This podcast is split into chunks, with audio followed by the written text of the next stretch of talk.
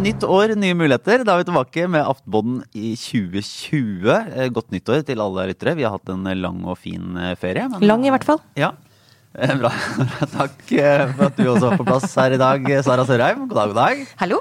Og Trine Eilertsen, hei, hei. Hei, hei. Vi skal jo snakke litt om uh, olje og energi og klima og miljø og alt mulig rart, egentlig. Uh, men så først må vi si at vi jo er i Trondheim, på Samfunnet, på onsdag 15. januar, altså onsdagen som kommer. Uh, der er det fortsatt noen billetter igjen, så både studenter og ikke-studenter kan komme der og få med seg eh, litt av vår oppsummering av 2019 og det som kommer. Og så må vi jo bare innom nå, da, helt i starten her, Trine Eilertsen. Rikskjendis. Det er bra det har tid til oss også. Og verre skal det bli. Jeg bare sier det. For nå er det da som ny sjefredaktør, så er det eh, mediene tenker så ulikt. De er så kreative. Så nå er de etter deg alle sammen. Er det ikke, er det, ikke det ene, så er det det andre. Eh, diverse portretter, intervjuer, alt mulig rart. Får du nok oppmerksomhet? Ja, det, det, det Jeg får akkurat nok oppmerksomhet, og jeg vil jo fremheve eh, av ting som kommer de neste dagene. Min tro-spalten i Vårt Land. Der dukker jeg opp. I en eh, friluftsprogram i NRK P1. Der kommer du til å høre meg i løpet av helgen. I tillegg til Lørdagsrevyen og portrett i Aftenposten og litt sånn diverse. Så det er en eh, eksotisk erfaring å sitte på den siden, det må jeg si. Ja, det, er jo et, eh, det drypper litt på klokkerne også. Jeg og Lars får jo være, som, være litt med i bakgrunnen. da. Når vi nå har live eh, opptredener eller ting vi gjør, så er det plutselig nå den nye normalen er at det er et kamerateam med. Eh, mens de følger Trine, da. Så, men livet som linselus, Lars, det, Ja. det er nå jeg ser mulighetene for det Jeg er for oss. veldig, veldig spent på om våre drepende karakteristikker av Trine kommer med på, Ja. på, på skjermen. Jeg har en li liten følelse av at vi blir klippet bort fra det innslaget i Dagsrevyen. Men eh, det, vi får se. I dag er det torsdag. Det er to dager igjen. Du kan leve i hoppet. Nei, Det er en eh, sær eh, erfaring, må, må jeg si. For, også fordi jeg vet hvordan sånne som oss tenker. Så når jeg står i de situasjonene, så tenker jeg å nei, nå sa jeg noe som helt sikkert er gøy å sitere. Men det der, det vil ikke, jeg vil ikke at noen skal vite at jeg sier det. Jeg ser for meg intervjuet deg som Det er, er, liksom som eh, på en måte prøver å åpne en dør, og så bare lukkes den av deg. For du sier ok, her, er- her er det ikke. En til. Lukker den, men- men slår den ned. sånn- Eller leverer du? Er du Nei, utleverende? nei, nei, ikke det. Også jeg, sitter, jeg merker at jeg er veldig på vakt, så jeg tror ikke det er så veldig gøy å intervjue med. Det må jeg si. Ja, men det er en bra strategi, for da blir du kanskje ferdig med Da, da gir de opp, og så kan du konsentrere deg om andre ting etter Ja, for du ser De som er veldig gode på sånn one-liners og sier gøye ting hele tiden, de blir oppringt, oppringt, oppringt. Så min strategi nå er at eh, nå sier jeg ja til alt denne uken, og så slutt. Så vet jeg neste gang de ringer, så er det jo fordi Aftenposten har gjort en eller annen kjempetabbe. Så jeg skal, så jeg skal forklare og forsvare. Så jeg får bare nyte det mens jeg kan. Ja, Og så har du heldigvis din egen podkast, Trine. Hvor du kan jeg. fortsette å ytre deg eh, så mye du vil, for vår del. Så det Også, holder, det. eh, Siden vi først er litt sånn selvsentrerte i starten her av dette året, eh, så må vi jo gratulere oss selv i Aftenposten med at eh, Kjetil Alstheim blir eh, ny politisk redaktør. Ja, det må jeg si var en pangstart på året. Det var årets andre dag. Da kunne vi bekjentgjøre det. At eh, Kjetil overtar da for, eh, for meg og begynner utpå våren en eller annen gang. Og han kommer helt sikkert til å bli hørt eh, i dette studio for dette publikummet. Så det er bare å glede seg. Ja, det blir, eh, blir veldig bra. Så eh, året går. Eh, Men det starter jo med altså Det er jo et bankende nyhetskjør inn i 2020, må man si. I verden og her hjemme. Vi går inn i den store liksom, næringslivspolitikkdelen av det. Så er det da Equinor som har kommet med sine planer for å elektrifisere seg selv og bli utslippsfrie i produksjonen av olje og gass.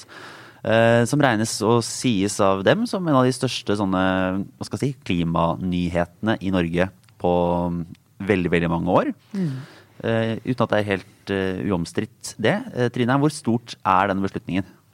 Det er en stor beslutning. altså Equinor, som jo er si, størst og viktigst i den uh, delen av norsk virksomhet som uh, gir, ut, gir de største utslippene, når de sier at de skal kutte utslippene med 70% innen 2040, og med 40% i løpet av ti år, så er det mange millioner tonn med CO2. eh, Og det kommer til å slå rett inn i det norske CO2-regnskapet. Men når de får kritikk, eh, så er det jo fordi at kritikerne sier men du må jo gjerne kutte i produksjonen, og det vil jo alle at de skal. Eh, Men det er jo når du selger oljen og gassen der ute, det er jo da utslippene virkelig kommer. Og det er jo de, de vi må ta tak i, og da får du jo diskusjonen burde du overhodet hatt den oljen og gassen. Ja, for Premisset for å få en uh, altså da utslippsfri uh, utvinning er jo at det fortsetter å være en utvinning. Mm. Så for de som sier at uh, norsk olje- og gassindustri skal måte, legges ned innen 2050, 60, 70, så er jo dette ja, ikke så mye verdt. Men det der var jo en, og kommer til å være en sånn helt Det er en typisk eh, diskusjon. Det er eh, Du gjør et tiltak som i seg selv isolert sett er bra, men særlig i dette spørsmålet her så blir det jo aldri helt bra nok, rett og slett fordi problemet også er så stort. Eh, men dette er nok en litt sånn frustrerende ting for altså, For de som prøver å finne politiske løsninger på dette spørsmålet, så, så er det jo nå sannsynligvis en kommende diskusjon om ja, men skal man da, bare fordi man ikke løser hele problemet med ett tiltak, ja, skal man da la være å gjøre noe i det hele tatt? Der står litt diskusjonen, da. Eh, og så er det vel ikke helt, helt klart eh, om de kommer til å lykkes med det. Altså, de har, det er jo Foreløpig må jo betraktes som et utspill. da. Altså, de ønsker å få det til. Jeg vet ikke, liksom, er ja. de, ja. ja. og de er jo avhengig av at staten uh, går inn og bidrar. Og det er jo, altså, det er jo det, det, Og det som fort blir diskusjonen etter hvert, det er jo hva kostnader har selskapene knyttet til uh, å kutte disse utslippene. Og Disse selskapene skal jo tjene penger, de skal gå med overskudd. Eh, og Hvis du kommer et sted der eh, oljeprisen, etterspørsel etter eh, olje og gass faller, som jo mange sitt scenario sier etter hvert som du får fornybar energi, så trenger du ikke all den oljen og gassen. Hvis etterspørsel faller og du kan tenke deg at prisen faller, og kostnadene øker, bl.a. fordi at du skal ha en mer klimavennlig produksjon, så kan det jo komme dit at det ikke er lønnsomt lenger å drive med norsk olje og gass. Og Det er jo en diskusjon som er, har vært mer og mer intens de siste par årene. Eh, men som jo, jeg syns den er mye mer interessant enn den vi bør sette en dato for eh, å plugge norske oljebrønner, og vi bør sette en dato for å avvikle industrien. For det er jo akkurat denne dynamikken i industrien og i markedet nå som er interessant. Så jeg mener at vi skal sitte med en sånn her eh, Her isolert sitter vi og snakker om vi skal plugge alt, liksom. Det var jo interessant, Vi var da på NHOs årskonferanse i går. og det var litt eh, fascinerende å se at der legger man jo måte, til grunn i alle diskusjoner og allting, er at det kommer en ny tid. Det skal uh, det grønne skiftet, alle de klisjeene da, som er sånn Dette kommer til å bli helt annerledes. Mm. Uh, og skal gjøres på en helt annen måte. Samtidig som statsminister Erna Solberg var jo også tydelig på at den derre å stenge av oljekrana er helt uaktuelt. Det, mm. det vil ikke skje. Så må man liksom balansere mellom et uh, Vi skal gjøre det på en helt annen måte, og så skal vi ikke skru det helt til. Mm. Sånn, uh, hun var veldig tydelig på den altså, i åpningstalen sin i går. Så altså, forster, var, på en måte, Hva skal jeg si? Hun var uh, offensiv og meget klar på at uh, denne regjeringen er liksom oljebransjens venn. Uh, og snakket jo også veldig mye om liksom, nødvendigheten av det private næringslivet mer generelt også. da. Uh, men hvordan liksom, det at det er i, i, næringslivet og også i industrien du skal finne løsningene også for framtiden. som jo Det går an å følge den logikken, men, men, men som er Du har helt rett, Lars, i at, at det blir en litt sånn ja, det er rett og slett en dobbeltkommunikasjon. Og det er litt vanskelig å se for seg Det er vanskelig å ta det sånn 100% på alvor uh, når du tenker at ja, men liksom Ja, men jeg tror altså når hun sier det så tydelig som hun sier eh, altså Jeg tror ikke hun kunne vært like tydelig uten det Equinor-utspillet. Det er nok riktig. Eh, for det, altså, sånn vi diskuterer innenlandske utslipp, det er jo liksom det som er litt av uh, debatten. for at mye av, altså Resten det går jo på kvoter, mye av det. Eller det som er kvotepliktig sektor. Det kan du jo diskutere opp og ned. og Det er interessant med prisen på kvoter og alt sånt. Helt egen debatt. Men når du skal diskutere innenlandske utslipp, Uh, og hun uh, sier at vi skal, vi står ved last og brast med denne næringen. Så er det jo fordi at de har kommet med et utslipp som sannsynliggjør at det skal Nei, et utspill som ja, sannsynliggjør Utslipp og utspill. ja, ikke sant? At det skal skje noe med det. sant? Og hvis de overhodet ikke gjør det, så derfor er det jo det der at næringen nå liksom eh, oftere og oftere trer frem og sier at vi er med på dette her, vi er med på hele resonnementet, vi er med på målet, vi omfavner Parisavtalen, vi liksom, de sier det om igjen og om igjen, og så kommer de med den type utspill, så er jo det det er jo en forutsetning da, for at politikerne kan uh, snakke på den måten. Og så ja, bare jeg... så er det sånn Ja, uh, vi skal det. Bare vent litt, jeg skal åpne et uh, nytt felt her. Ja, ja, ja. ja. bare hold ølen min mens jeg åpner Johan Sverdrup-feltet. så skal jeg komme tilbake til den diskusjonen om det grønne skiftet straks. Men, men jeg fikk inntrykk av også etter å ha snakket med litt folk i går, at dette har vært liksom, en viktig sak også for liksom, helt opp til helt øverste toppledelse i Equinor. Mm. å få frem nå. Eh, hvis jeg har fått rette inntrykket, så har det vært i diskusjon, de har jo holdt på med dette en stund, eh, men at det har liksom skjedd noe i det siste som gjør at eh, det plutselig ble viktig å komme på banen med dette utspillet nå. Eh, og så skal man jo ikke spekulere altfor mye i at dette er taktikkeri. Det er altså helt åpenbart et reelt ønske om å, om å komme til, til det punktet og bli reelt utslippsfrie. Men, men det er klart det, det, Jeg ser jo at det var et godt tidspunkt for dem nå eh, å komme med dette på. Eh, og så er det jo også litt interessant å se på næringen, ikke bare Equinor, men hele olje- og gassnæringen, om de etter hvert, når vi klarer å bygge noen troverdighet på at de faktisk helt reelt vil være en del av, eh, av løsningene. Eh, og jeg aner ikke om det var noen sammenheng, men at Karl Eirik Skjøtt Pedersen akkurat også nå gikk av som leder for Norsk olje og gass, altså bransjens interesseorganisasjon. Mm. Um, og han har jo vært en veldig tydelig representant for Kanskje det er litt, det er kanskje litt sånn forenkla si, men liksom den liksom gammeldagse oljenæringen. Og har ikke hatt kanskje de største fanene rundt omkring i sånn fornybargjengen. Nei. Han har, altså, han har vel ligget seg litt sånn på den uh, retoriske uh, linja til Sylvi Listhaug som ny olje- og energiminister. Altså sånn Dette uh, dette skal vi fortsette, dette er fortsatt framtida. Ja. Ja, men altså, altså Det han har uh, snakket om, da, og det, dette viser hvor fort dette forandrer seg, og inntrykk av den debatten også forandrer seg. For, for et par år siden så var jo han veldig opptatt av å fronte at uh, vi må fortsette med dette. Det har stor uh, oppslutning i befolkningen. hovedoppdraget hans var jo å fortelle folk hvor stor verdi den næringen har i form av arbeidsplasser og inntekter av statskassen, som jo er helt ubestridt. Ingen kan si at ikke det er reelt. Eh, men så var jo også et hovedargument at vi må, vi må satse på norsk olje og gass fordi den er den reneste produksjonen i verden. Og det er jo blitt utfordret stadig. Uh, og nå ser du at bransjen har behov for å forsterke den delen av argumentasjonen. At ja, OK, uh, produktet er skittent, men produksjonen, hvis du, før, hvis du først skal ha det produktet, hvis Saudi-Arabia skal lage det, Russland skal lage det, eller Norge skal lage det, så må i hvert fall vi bestrebe oss på at det er det reneste måten å lage det på her. da. Men hans måte å argumentere på så var for så vidt funket for tre år siden. I dag så funker ikke det lenger. Og ikke minst med bakgrunnen hans fra altså en klassisk Arbeiderparti-regjeringstilværelse, mm. som har vært eh, virkelig sånn hånd i hånd med oljebransjen. I dag så funker ikke det. Spørsmålet er hvem som skal overta den jobben. Ja, ja. Altså, og spørsmålet det, ja. er om noen vil, og det var en som sa til meg i går at uh, du kan komme i en sånn Philip Morris uh, tobakksselskapssituasjon, uh, der det plutselig var umulig å finne en ny sjef til selskapet fordi at ingen ville påta seg belastningen med å fronte det budskapet. Sant? Så det forteller for et enormt sånn skvis næringen står i når de skal snakke i offentligheten om det de driver med. Og det, det har gått fort, altså. Et løpet av et par år. Ja, det er veldig interessant. Og kan man sånn sette for seg en sånn, altså, Det er litt gøy å forestille seg at du er liksom hodejegeren her som skal få det oppdraget. da. Finn en ny direktør for Norsk olje og gass. Eller administrerende, ja. Det er vel direktør. Det blir Bård Vegar Solhjell, det. Han, altså, de begynner vel som alle andre hodejegere med sånn kvinne 32. og så fortsetter ja. de derfra. Ender opp på mann 56? Eh, ender opp med hvit mann 56, ja. Men eh, de, nå så jeg vel at uh, Skjøtten skal sitte til den nye, nye leder er på plass, da. Så det kan jo godt være inn i neste tiår, det, for alt vi vet. Men uh, er det fortsatt sånn at uh, det sitter en del på å vente på å få den telefonen? Ja, Tror du ikke det? Helt umulig blir det kanskje ikke. Men det er likevel interessant. Og, ja.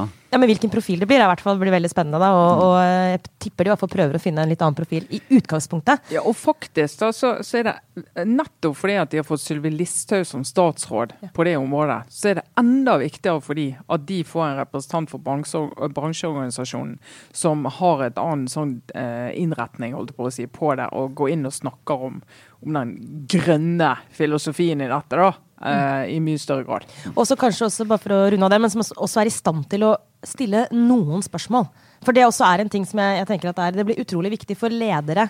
Det gjelder egentlig uansett i liksom, tider vi er inne i sånn som nå, med veldig mange store utfordringer som egentlig ikke har noen åpenbare svar. At man liksom er villig til å være litt åpen rundt akkurat det. Og liksom invitere til debatt og diskusjon. Et problem med bl.a. Uh, Skjøtten og mange ledere i den generasjonen er jo at de er liksom så utrolig konstaterende i formen. Liksom slår fast ting. Og det bare funker ikke like bra. Altså, jeg tror du må lete etter noen som, ja, som inviterer til en åpen diskusjon. Og så er det selvfølgelig når du er en interesseorganisasjon, så har du jo et mandat. Det er ikke det. Men det går an å gjøre det på en litt annen måte. da. Mm. Og så er det jo bare altså, Det gjelder ikke bare olje- og gassnæringen, men hele liksom eh, den NHO-konferansen i går var jo veldig veldig preget av et sånt, ganske sånn intenst ønske om å være sånn Vi er en del av framtida! Og det var liksom alt fra liksom at alle lysene på veggene var liksom grønne. Sånn der, grønne skifte, alarm, alarm. Men også ned til alle så ting som sånn, hvem som hadde innslagene, de kulturelle innslagene på middagen, og ikke minst hva de serverte. Ja. Det ikke, ja. det der må vi snakke om på et tidspunkt. Det er Ryktet gikk jo før middagen. Altså Første gangen jeg var på NO-middag, det er veldig, veldig lenge siden. Og det var den gangen du kunne, du kunne dumpe oppi en haifinnesuppe eller et eller annet sånt. Det, det er jo bra at den tiden er over. Krokodille, et eller annet filet. Men eh, den tiden er jo definitivt over. Og så har de vært gjennom sånn noen år med litt normal buffé. Men de siste årene så har det vært sånn veldig kreativt og ny buffé, og alt skal være norsk. Det, skal det er fint. Og det er sjø, og det er kjøtt, og det er ditt og datt. Men nå skal det ikke bare være norsk, nå skal det være sånn bærekraftig med gigantisk B. Så det ryktet før da gikk at du vet at det kommer eh, Vi skal få spise avfall. Vi skal spise boss, liksom. Det blir hønseføtter og halvråtten mat. Liksom. Restekjøtt og kjøtt til overs eh, var jo liksom på Ja, restekjøtt. Så vi liksom, ja, ok, så vi, for det har jo gått i en veldig sånn, hva skal jeg si, kreativ retning. Og jeg må, for, min egen del må jeg si at eh, noe av det har vært eh, greit, men ganske mye har vært eh, forglemmelig. Og så, så før det her så kan vi jo avsløre da, at vi var et ja, det, det var ikke mitt initiativ, men det var et par stykker som gikk innom eh, Egon før middagen for å sikre seg TGI. Fridays. Det var Ja, det var det det folkelige øyeblikket. TGI Fridays var det. Ja, så Jeg kan også røpe et godt, men ubekrefta rykte eh, om at eh, helt sentrale mennesker langt inn i regjeringsapparatet litt utpå kvelden i går drev og fabla om eh, hvor er nærmeste McDonald's. Men nei, det, det er Jeg vil, jeg vil si det var Jeg syns det var veldig god mat. Jeg. Jeg er litt Ja, ja, eh, ja på den buffeen. Ja, ja, ja. og det var jo ikke det rester. var det var jo. Nei, det var jo ikke det. Og det var jo sant, det var kokte hønseføtter. Det høres jo ikke godt ut. Og når du leser det, så kan du bli litt rar i ansiktet. Men mye av det var veldig godt. Men en del av det, det er greit. Det var helt greit. Og så er det veldig lett å le av det. Altså, vi må også le litt av det, for eh, NHO-konferansen er det hviteste, eh, mest borgerlige arrangementet. Altså, det er jo næringslivsledere. Det er en utrolig sånn, ensarta gruppe. Men, eh, og det er fristende liksom, å tøyse med liksom, de forsøkene de gjør på å virke liksom, dynamisk og moderne og liksom, sammensatt og mangfoldig og sånn. De er på en måte ikke det.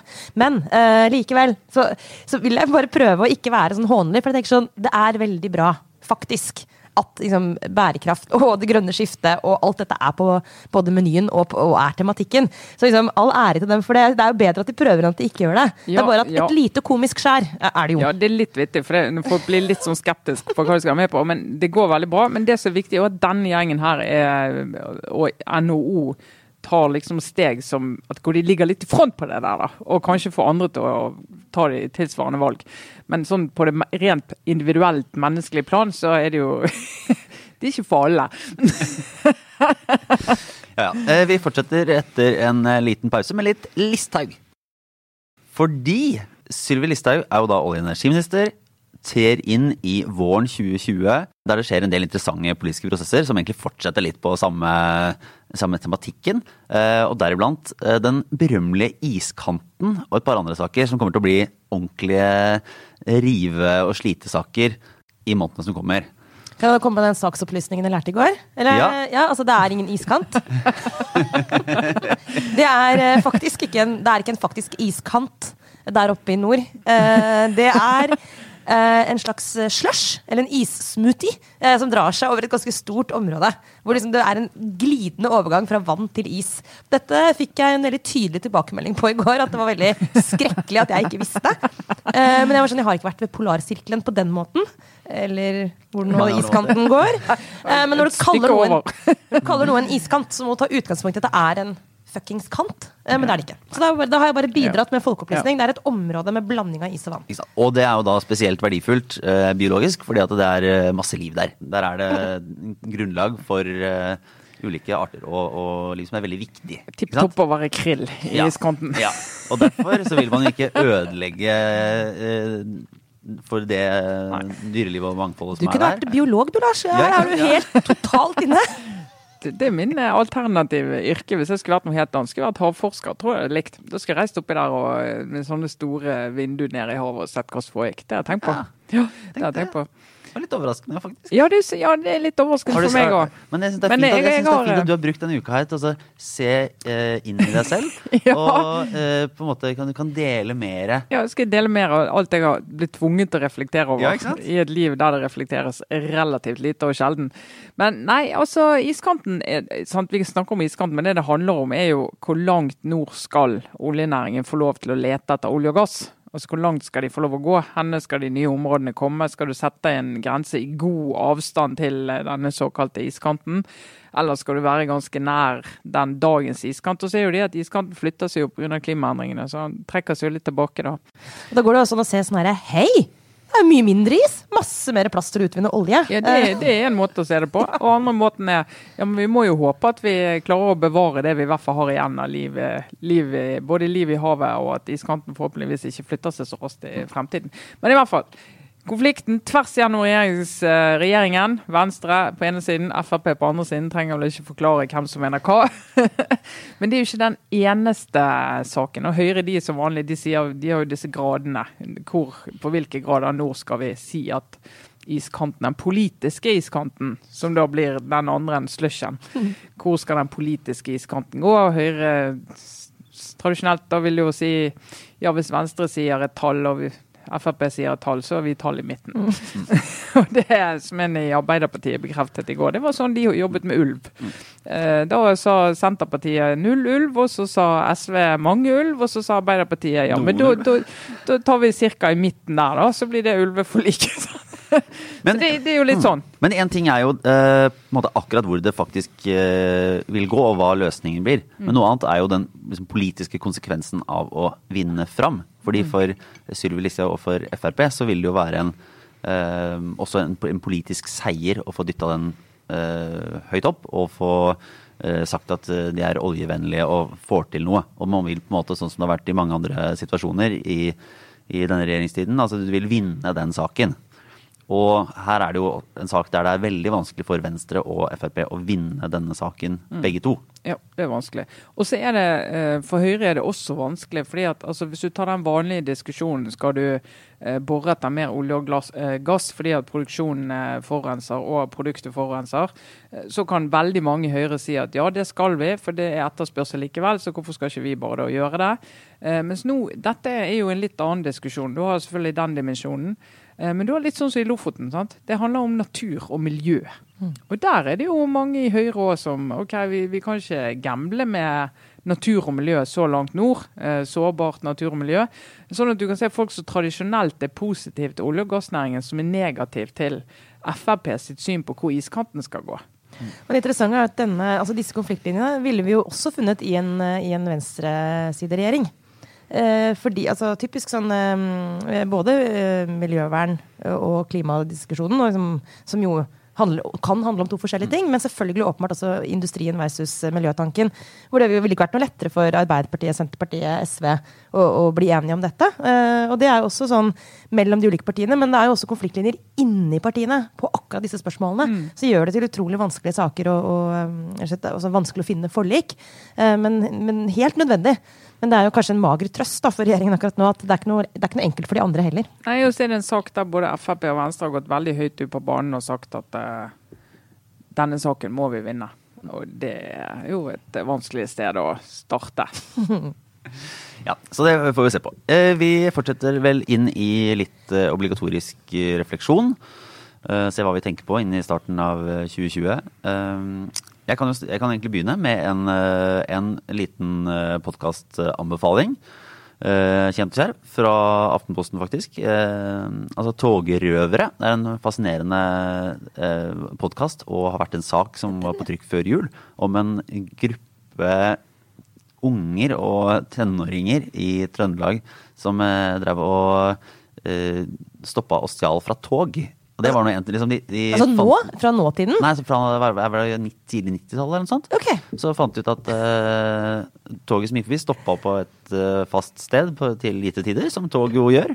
Uh, og så uh, brøyt de seg inn, og så stjal de brus og ting og alt mulig rart.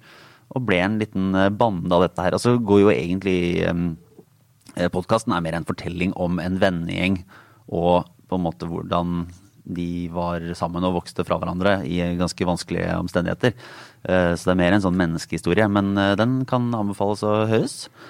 Eh, Togrøvere ligger der man finner podkast. Og så tenkte jeg bare å anbefale et annet lite klipp som, som var denne uka. For det var jo Golden Globe-utdeling. Eh, Oscar, eh, liksom rufsete søskenbarn. Ja, det er som TV-seriene. Det er liksom det litt, litt lavere kultur. Det er liksom Ja. ikke synastene eller hva det heter for noe. Altså liksom autørene sin Ja, utdeling. det er Det er liksom- sånn vi som liker å sitte i sofaen og se på TV og spise godteri. Ja, og det er eh, det var ulike filmer som fikk priser, og det er noe så, men eh, det er jo eh, Det var jo også en, en Det nå jeg får mest med meg av den utdelinga, er jo eh, komiker Ricky Gervais, som ofte har eh, gjort dette, men har en sånn intro og er eh, programleder. Og som også denne gang starter da det hele med en sånn lang tirade med så mye frekke og stygge vitser om de som sitter i salen. At det er, det er litt det er sånn eh, ja, togkrasjaktig. Dette må du bare Vanskelig å se. Du ser noen klippebilder ned til Tom Hanks og andre som ser så sure ut eh, når, eh, når dette kommer. da. At, at det, er, det er fascinerende for meg å tenke at noen går opp på en scene og sier Og tar så lite hensyn til publikum. Ja. Men det er interessant for at han har beveget seg over altså det der humorsjangeren. Altså fra å være den der liksom curb your enthusiasm, den liksom, det, altså hverdags, liksom pinlige hverdagshistorier, som jo han var en foregangsfigur for med The Office, sant? til egentlig bare bevege seg over i mer sånn det er ikke engang, Han prøver ikke engang å være morsom. Det er bare sånn, Jeg er en douche, men, men eh, på en måte på den riktige siden. da Altså Han, er jo, han, han slår jo helt i riktig retning. Kan, altså Typisk sånn slår oppover, ikke nedover. Og han er jo, jeg syns han er et geni. Men det er også sånn Det er, liksom, det er bare ubehaget som dyrkes. Det, det, er ikke forsøk på comic relief. Det er sånn, det skal bare være smerte, smerte, smerte. smerte, smerte. Og det rare er at dette er i USA, et, et, en kultur som Dette blir veldig generelt, generelt, men, men hvor liksom det der å, å være høflig altså det, Å snakke til hverandre på en ordentlig måte sånn, egentlig er i utgangspunktet mye mer, sånn, mm, mer verdifullt der enn her. Altså Du skal liksom oppføre Du skal være høflig og dannet, men så har de likevel sånne sjangere som er sånn Bortsett fra når vi først liksom ikke er det, og da er det helt sånn sinnssykt All in. Det ville aldri gått her. Jeg kan ikke se for meg min villeste fantasi. Se for dere den der konferansen vi var på i går, liksom. Altså, oh, det hadde vært, eh, det hadde vært bra hvis NHO neste år tar den derre Nei, nå får vi noen til å bare roaste og uh, utlevere absolutt alle. det må bli Thomas Giertsen, det. Ja, så det er et oppgjør med Eldar Sætre. ja, ja. Nei, men det er noe så. Eh, og du da, Sara? Nei, jeg skal, eh, jeg skal liksom eh, Jeg tar egentlig min og Trines uh, lille samtale fra i går, men du skjønner, vi Vi har gruppearbeid. Vi hadde gruppearbeid. Nei, vet du hva, egentlig um, uh, har jeg brukt litt tid Altså, jeg har faktisk prøvd å lese litt uh, i denne juleferien, da, og det har jeg endt opp med da, er en thriller. Det gjør, må jeg bare innrømme, det blir ofte litt sånn page-turnere. Men jeg har begynt å lese en bok, litt tilfeldig egentlig, som heter The Wife. Som er en sånn egentlig Ja, det er en klassisk egentlig, kriminalhistorie. Eh, skal bare huske navnet på hun som har skrevet den. Den heter eh, Meg Wolitzer. Meg, en dame. Men poenget med at jeg trekker opp denne, er at utgangspunktet for boka er en metoo-historie. Det er, altså Kona, the wife, er gift med en professor som får en sånn metoo-anklage mot seg. Eh, og, og det er skrevet av en kvinne. Uh, plottet er egentlig klassisk krimplott, men det er, som, det er rammefortellingen. da. Eh, og helt sånn egentlig tilfeldigvis så begynte jeg helt samtidig å se på den The Morning Show, den nye TV-serien som er på Apple, eh, Apple Pluss. Altså, hvis du har fått en ny telefon i det siste som er iPhone, så har du den TV-serien med. For å si det til sånne ikke-tekniske Men er det, det mennesker. den med Jennifer Aniston? Yes, Jennifer Aniston og Reece uh, Witherspoon, eller hvordan man uttaler det etternavnet, som, uh, som er en klassisk uh, TV-serie. Det er litt sånn guilty pleasure-sjangeren. Eh, men der også er nemlig utgangspunktet er eh, et TV-program, The Morning Show, hvor det er to programledere, og Jennifer Aniston spiller kona, eh, kona har du hørt, den kvinnelige programlederen. Ops.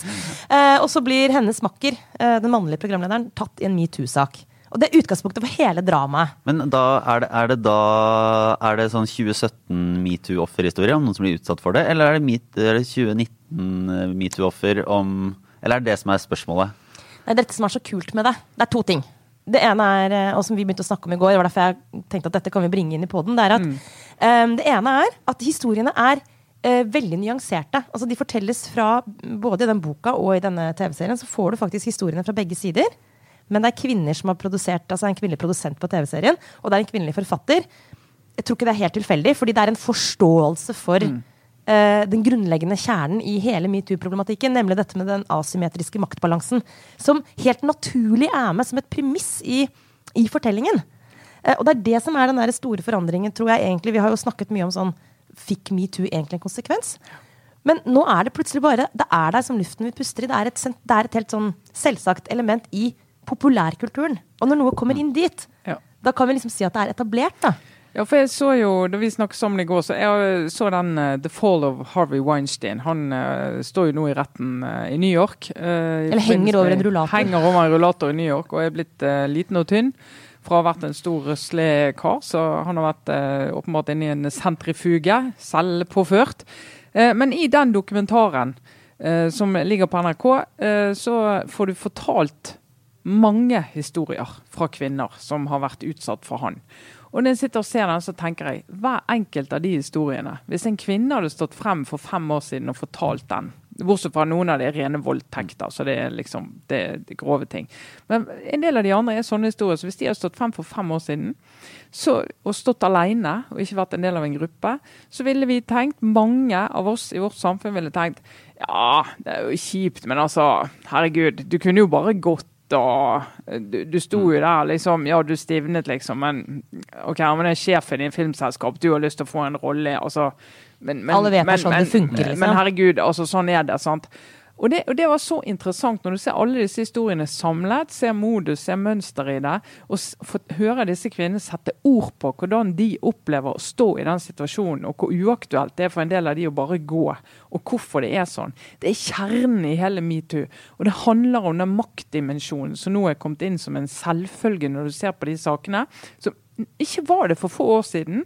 Eh, og mange av de som rundt Weinstein den gangen, og så så dette skje, og ikke grep inn, de sier ja, men vi tenkte jo at her er det jo unge skuespillere som har lyst på en rolle, og de går og altså, tilbyr seg, de vet at han vil. og så går de opp på det hotellrommet. De vet jo hvordan dette funker, de vet jo at dette kommer til å skje.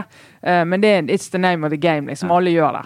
Sånn at De liksom tok ikke utgangspunkt i at han hadde mye makt. Det var litt sånn, ja, Hun òg har jo makt. Hun mm. kan jo gå opp og, og, påvirke han og, og, få han til å bli forført av hun, og så skylder han hun en tjeneste. Men, men den dokumentaren bare mener jeg også en kjempeillustrasjon på at det har skjedd utrolig mye siden 2017. Og ja, du kan snakke om backlash, og du har liksom fått mm. uh, en del tilbakeslag og en del diskusjoner som er, som er ikke positive. Men hovedforandringen er historisk, det mener jeg. Og det er utrolig, Kanskje er vi liksom over i en slags sånn tredje fase. da, fordi um, Det kom jo et backlash, og det måtte det egentlig gjøre. Og, og noe av det var jo også en sunn korrigering etter liksom den første bølgen. Uh, for det er klart at det, at det, var et element av kampanje rundt liksom den første metoo-runden som kunne gjøre at du, altså som, som bikka over. Det tror jeg, måte, det må man bare, det var det. Uh, men så kommer backlashet, sant? og så kan det, bli det veldig sterkt igjen. og så er det akkurat som, Jeg satt jo lenge, det har vi snakka om her i poden også, med en følelse av at det, å herregud, liksom, har det slått tilbake, og til og med liksom enda mer? Altså, har vi overslag? Er det nå enda vanskeligere enn noen gang å komme ut med en historie om et seksuelt overgrep på jobben, f.eks.? Men, nå, men nå begynner jeg å tenke at nei, nå det er mulig jeg leser litt for mye inn i én bok og en TV-serie og en dokumentar her, men jeg håper faktisk, og jeg tror litt på det òg, at det kan ses på som en sånn er, Nå er vi over en tredje fase hvor dette bare har blitt etablert som, um, som en problemstilling som, som, som, er såpass allmenn at det også funker i populærkulturen. Uh, og så må jeg også bare legge til at den der The Morning Show er hvert hvis du liksom ikke altså Det er ikke Det er vel ikke den mest dypsindige, uh, kanskje sånn intellektuelt sett, uh, serien jeg noensinne har sett, men den er så smart. Og det er ingenting jeg elsker høyere faktisk enn liksom, populærkultur som er underholdende og gøy med gøye kjendiser og handler om TV og sånn, men som også bare er sånn, treffer så utrolig bra på sånn smart tidsånd. Du som mm. både får liksom bli underholdt og samtidig litt sånn derre Dette var litt lurt. Og også da, som jeg nevnte i stad, med i denne konkrete saken faktisk en ganske sånn mm. eh, evne til å se denne saken fra flere sider. Og han mannlige programlederen, en sånn nøkkelscene der er at han konfronteres med en sånn assistent eh, som, som, han hadde ligget med på et hotellrom på et tidspunkt. Og hun konfronterer han med den hendelsen. Og da sier jo han, og, og han mm. fremstår helt troverdig i den scenen, men han sier sånn Men jeg, jeg skjønte jo ikke at du ikke mm. skjønte at dette kom til å skje når jeg ber deg bli med på mitt hotellrom. Det er ikke for at jeg ønsker å snakke med deg. Det er ikke som at jeg syns du er ikke sant? Og han er helt ærlig. Han sier han, jeg ville selvfølgelig ligge med deg. Altså, skjønte du ikke det? Men bare sånn, nei, jeg trodde faktisk at du, du satte pris på meg som menneske. ja. Ja. Eh, men da runder vi av for denne gang, eh, og så er vi snart tilbake. Eh, minner om Trondheim eh, på onsdag. Der eh, får man også billetter på aftenpodden.no. Eh, kan vi annonsere litt der. Og så sier vi vel takk for nå. Straks tilbake. Ja. Hei, velkommen til 2020. ja, ikke sant? Ja, vi høres. Det var Rappmoen. Ha det bra.